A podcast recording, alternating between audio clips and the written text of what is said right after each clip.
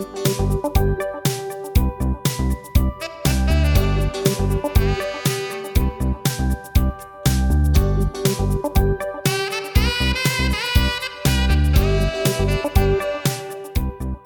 welkom bij Door de Bijbel, een programma van Transworld Radio. Met dit programma nemen we jou in vijf jaar tijd mee door de ganse Bijbel. We lezen vandaag in uitzending 558 weer in het boek Job. Tijdens zijn ziek zijn en armoede staan Jobs vrienden hem bij. Tenminste, dat is hun eigen idee. Ze reiken Job veel woorden aan om zijn lijden te verklaren. Maar hun vele woorden doen meer kwaad dan goed. Ze praten over God, maar we horen hen niet met God praten. Elifas is de eerste die van wal steekt. Hij heeft Job gecorrigeerd en gaat dan verder met het geven van advies. Als hij in Jobs plaats was, zou hij de zaak aan God voorleggen.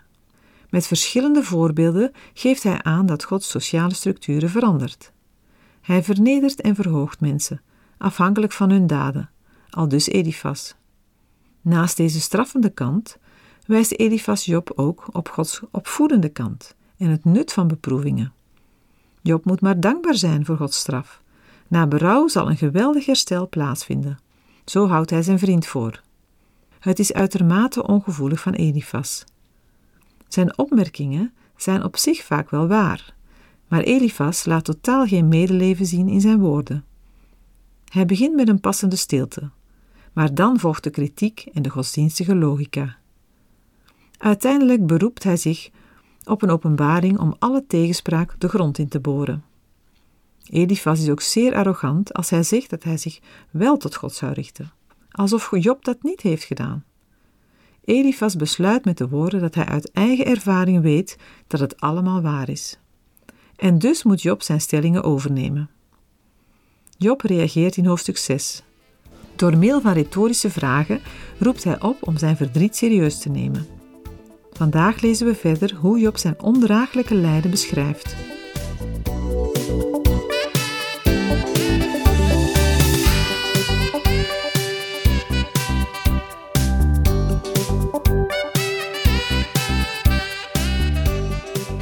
In de vorige uitzending zijn we begonnen met het lezen en overdenken van het antwoord van Job op de reactie en raad van Elifas.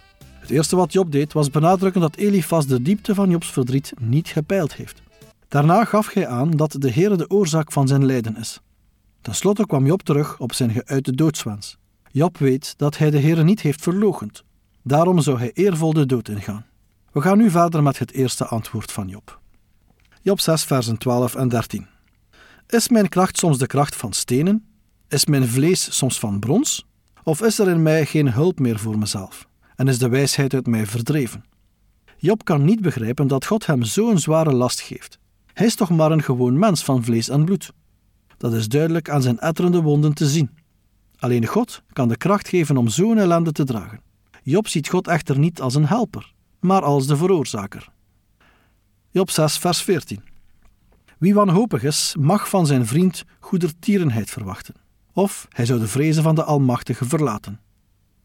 Zijn vriend had medelijden moeten tonen, had met hem moeten meeleven, maar dat deed hij niet. Goede vrienden hebben is belangrijk.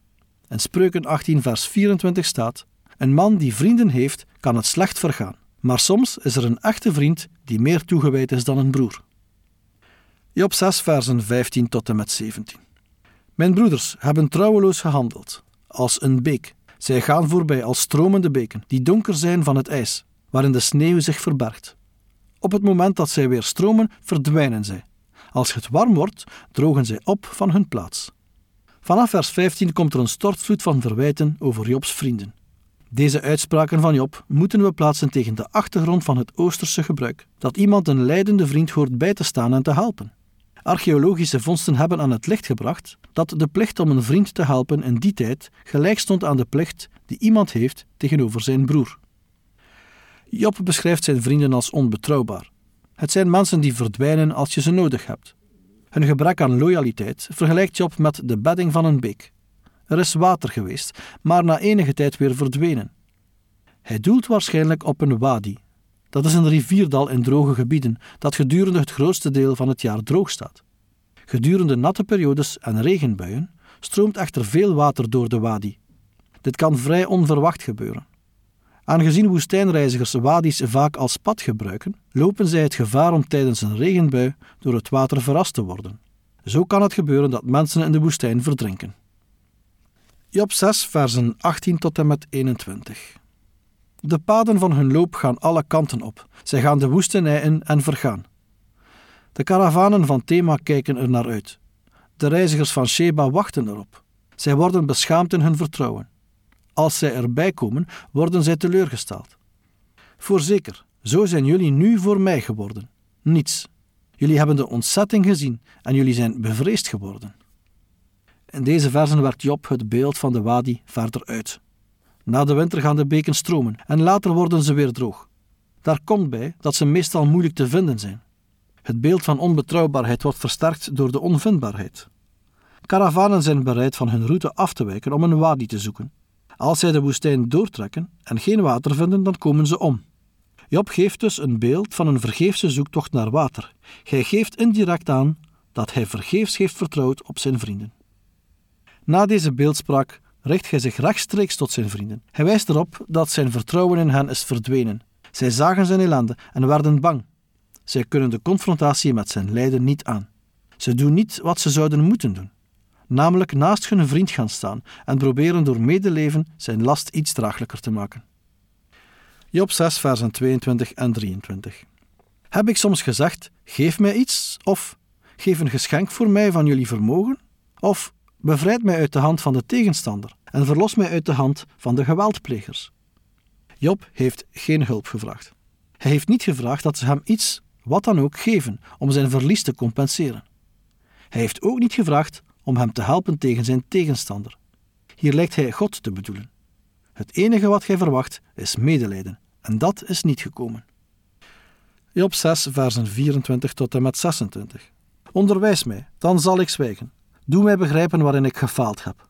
Wat zijn oprechte woorden krachtig, maar wat betekent het straffen dat bij jullie vandaan komt? Willen jullie woorden bedenken om te straffen? Zijn de woorden van een wanhopige dan wind?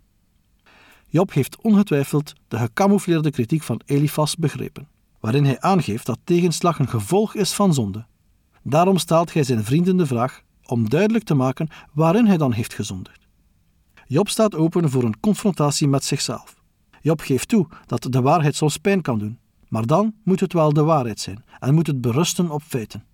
Job heeft het gevoel dat er absoluut niet naar hem wordt geluisterd. Zijn vrienden zijn ongevoelig en koud tegen hem. Job 6, vers 27. Jullie zouden zelfs over een wees het lot werpen. Jullie zouden jullie vriend verkopen. Waarschijnlijk was het toen niet ongewoon dat een wees werd verkocht, aangezien hij tot de inboedel van een huishouden werd gerekend. Door zichzelf te vergelijken met een wees, drukt Job zijn kwetsbare positie uit. Jobs vrienden zouden zelfs nog in staat zijn een eigen vriend te verkopen. Niet alleen hebben ze geen oog voor hem, als zij de kans kregen, zouden ze nog proberen er rijker van te worden. Deze beschuldigingen zijn hard. Daarbij komt de vraag of Jobs beschuldigingen wel terecht zijn. Toch voelt Job blijkbaar een tendens die steeds duidelijker wordt in het vervolg. Job 6, versen 28 tot en met 30. Maar nu, wees zo goed om jullie tot mij te wenden. Zou ik midden in jullie gezicht liegen? Kom toch tot inkeer. Laat er geen onrecht zijn. Ja, kom tot inkeer. Mijn gerechtigheid is er nog. Is er onrecht op mijn tong? Zou mijn gehemelte grote ellende niet onderscheiden? Het slot van Job 6 wordt gevormd door twee retorische vragen, waarmee Job zijn vrienden wil doen nadenken. Met deze woorden geeft hij aan dat zijn ellendige situatie volgens hem niet het gevolg is van persoonlijke zonden. Job 7, versen 1 tot en met 4. Heeft de sterveling niet een strijd te voeren op aarde? En zijn zijn dagen niet als de dagen van een dagloner? Zoals een slaaf snakt hij naar schaduw, zoals een dagloner ziet hij uit naar zijn loon. Zo heb ik maanden van doelloosheid geërfd, en zijn nachten van moeite mij toebedeeld. Als ik mij te slapen leg, zeg ik: Wanneer zal ik opstaan? Tot wanneer heeft God de avond afgemeten? Ik ben verzadigd van onrust tot aan de schemering. Job verlangt intens naar rust en bevrijding uit het zware leven dat hij nu leidt. Opvallend is de aandacht voor de nacht, een tijd waarop een mens normaal gesproken rust krijgt. Maar voor Job zijn het lange en moeilijke nachten. Slapeloosheid is door veel mensen een onderschat probleem. Job 7, versen 5 en 6. Mijn vlees is bekleed met maden en heeft een korst van stof. Mijn huid is gekloofd en veretterd. Mijn dagen zijn sneller gegaan dan een weverspoel. Ze zijn vergaan zonder hoop. Job voelde kennelijk dat hij een ongeneeslijke ziekte had en dat het eind niet ver weg was. En dit alles gaven zijn vrienden geen aandacht aan zijn probleem. Ze zijn bij hem gekomen, maar hebben hem niets gegeven wat hij nodig had. Ze begrepen het gewoon niet. Er wordt gezegd dat een vriend iemand is die jou kent en toch van je houdt. Deze vrienden kenden Job niet werkelijk. Hij zegt dat tenminste zijn lichamelijke toestand enig medeleven bij hen had moeten wekken. Job 7, versen 7 tot en met 19. Bedenk dat mijn leven een ademtocht is. Mijn oog zal niet opnieuw het goede zien. Het oog van degene die mij nu ziet, zal mij niet meer waarnemen. Uw ogen zullen op mij zijn, maar ik zal er niet meer zijn. Een wolk vergaat en verdwijnt. Zo komt degene die in het graf neerdaalt, er niet weer uit omhoog. Hij keert niet meer terug naar zijn huis, en zijn woonplaats kent hem niet meer. Ik echter zal mijn mond niet houden. Ik zal spreken in de benauwdheid van mijn geest. Ik zal klagen in de bitterheid van mijn ziel. Ben ik soms een zee of een zeemonster dat u een wacht om mij heen zet? Als ik zeg, mijn rustbank zal mij troost bieden, mijn slaapplaats zal wat van mijn klacht wegnemen, dan ontstelt u mij door dromen en door visioenen jaagt u mij angst aan. Mijn ziel verkiest de verstikking en heeft de dood liever dan het leven. Ik versmaad het, ik zal niet voor eeuwig leven. Laat mij met rust, want mijn dagen zijn een zucht. Wat is de sterveling dat u hem groot maakt en dat u uw hart op hem richt? Dat u hem elke morgen opzoekt, dat u hem elk ogenblik beproeft. Hoe lang duurt het voordat uw blik zich van mij afwendt, voordat u mij de rust gunt om mijn speeksel door te slikken? In deze versen spreekt Job tot de Heere. Job beweert dat de Heere de mens voortdurend voor moeilijke uitdagingen plaatst. Hij wenst dat hij gewoon maar in vrede kon sterven. Hij wenst dat God hem alleen zou laten. Hij voelt dat hij beproefd wordt, maar hij heeft er geen idee van wat er werkelijk achter dit alles zit. Zijn reactie is de reactie van velen. Laat me nu maar alleen in mijn ellende. Job 7, versen 20 en 21. Heb ik gezondigd? Wat moet ik voor u doen, bewaker van de mens? Waarom hebt u mij als doelwit voor u gezet, zodat ik mezelf tot een last ben? Waarom vergeeft u mijn overtreding niet en doet u mijn ongerechtigheid niet weg?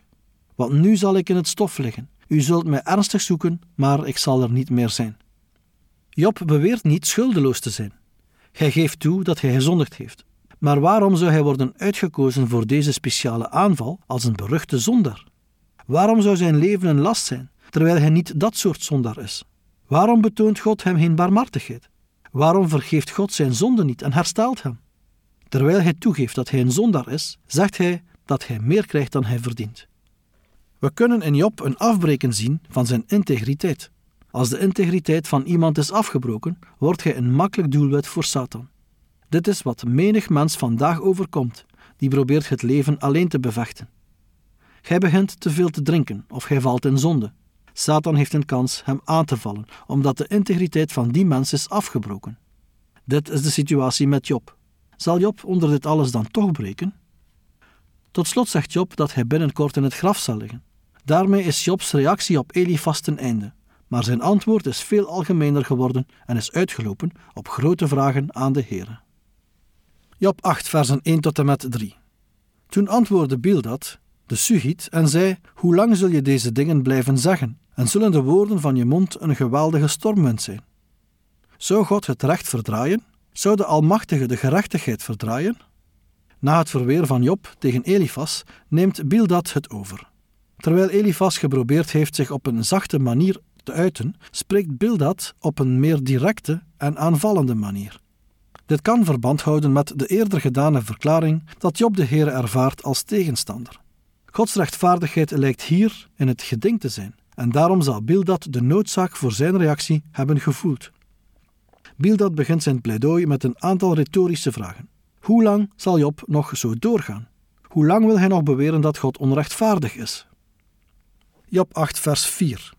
Als je kinderen tegen hem gezondigd hebben, heeft hij hen laten gaan in de macht van hun eigen overtreding. Dat is afschuwelijk om te zeggen. Hij suggereert dat de reden waarom Jobs kinderen verdaagd werden, was omdat ze zondaars waren. Ik kan niets bedenken wat meer zou kwetsen dan dit te zeggen. Bildad had geen recht om dat te zeggen. We weten, omdat God ons vanaf het begin van het boek op de hoogte hield, dat zijn kinderen niet om die reden werden verdelgd. Job 8, versen 5 tot en met 7. Maar als je ernstig God zoekt en de Almachtige om genade smeekt, als je zuiver en oprecht bent, dan zal Hij nu voorzeker ter wille van jou ontwaken en de woning van je gerechtigheid herstellen. Je begin zal wel klein zijn, maar je einde zal zeer groot worden. Net als Elifas houdt Bildad Job de hoop op een rooskleurige toekomst voor. Trouwens, dat is wat er gaat gebeuren. Wanneer dit allemaal voorbij is, zal Jobs status buitengewoon toenemen. God gaat alles wat hij had verdubbelen. Job 8, versen 8 tot en met 15. Want doe toch navraag bij de vorige generatie. Bereid je voor op een onderzoek naar hun vaderen. Immers, wij zijn van gisteren en weten niets. Want onze dagen op aarde zijn een schaduw. Zullen die je niet onderwijzen, tot je spreken en uit hun hart woorden voortbrengen? Groeien biezen waar geen moeras is?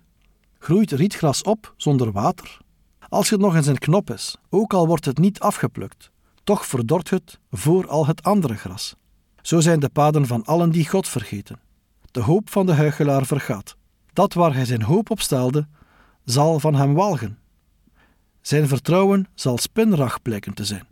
Hij zal op zijn huis leunen, maar het zal niet blijven staan. Hij zal het vastgrijpen, maar het zal niet staande blijven. Bildad zegt mooie dingen, maar gelijktijdig slaat hij de plank mis door Job in zijn lijden niet serieus te nemen. Voor hem is de oplossing gelegen in het toepassen van kennis. Bildad mist invoelingsvermogen. Hij wil Job het zwijgen opleggen. Na zijn betoog over het belang van de traditie noemt Bildad voorbeelden uit de natuur om Job te overtuigen. Met deze voorbeelden geeft Bildad aan wat het lot is van degene die God vergeet. Job 8, versen 16 tot en met 22. Weliswaar is hij een saprijke plant in de zon, en zijn jonge loten spreiden zich uit over zijn tuin. Zijn wortels vlechten zich over een steenhoop. Hij kijkt uit naar een steenachtige plaats. Maar als men hem wegrukt uit zijn plaats, zal deze hem verloochenen en zeggen: Ik heb u nooit gezien. Zie, dat is de vreugde van zijn weg. En uit het stof zullen anderen voortkomen. Zie, God zal de oprechte niet verwerpen, en hij grijpt kwaaddoeners niet bij de hand. Eens zal hij je mond weer met lachen vervullen en je lippen met gejuich. Wie je haten, zullen met schaamte bekleed worden, en de tent van de goddelozen zal er niet meer zijn. Bildad denkt dat hij door wetenschappelijk onderzoek kan vertellen hoe de wereld begon. Hij lijkt een slimme jongen, maar in 1 Korinthe lazen we dat wijsheid van mensen beperkt is en dat het nodig is Gods wijsheid te leren kennen.